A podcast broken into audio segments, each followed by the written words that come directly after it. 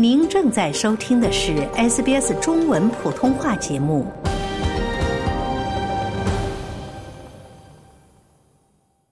对于重视教育的华人家庭来说，为孩子选择学校是头等大事之一。为了让孩子赢在起跑线上，墨尔本的华人妈妈安昼晨决定砸重金，在所谓的好学区波林置产。这边也是比较了解。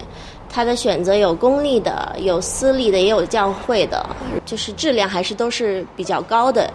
嗯，也算是啊一个比较好的学区。除了地理位置和学校排名外，掂量一下荷包深度，能否负担学费，也是家长们择校的主要考量因素。一项最新研究表明，在大城市，要让孩子在公立学校从学前班读到十二年级，总共需要花费超过九万两千澳元；而教会学校的开支预计会达到十九万五千多澳币。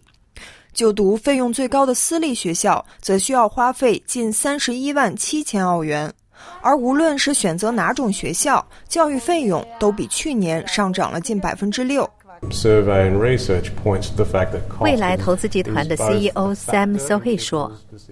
研究指出，实际上费用既是人们做决定的一个因素，在一些情况下也成为了人们为子女提供他们想要的教育的一个障碍。在费用压力较大的情况下，家长通常会选择教会学校，而不是私立学校，或者是去选择公立学校。”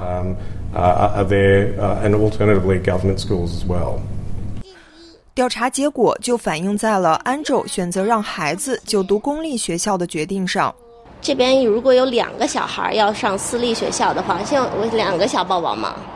嗯，就会经济压力比较大。这预计会为他省下每年近两万的教育费用，但在高通胀的大背景下，有越来越多的家长正在感受到子女教育所带来的财政压力。未来教育集团在对全澳各地一千五百名家长进行调研后发现，有超过百分之八十五的家长认为子女的教育支出对家庭财务产生了负面影响，其中认为有重大或中度负面影响的家长比例达到了百分之三十四。为了继续按照自己选择的方式教育子女，家庭不得不在其他开支和教育之间做出选择。比如推迟会定期支付的账单、牺牲节假日的安排，以及他们本来可能会产生的其他可自由支配的开支。为了缓解家庭开支的压力，最近才把小女儿送进幼儿园的 Angel 也终于能腾出身，打算重新回到职场中来。嗯，房贷肯定是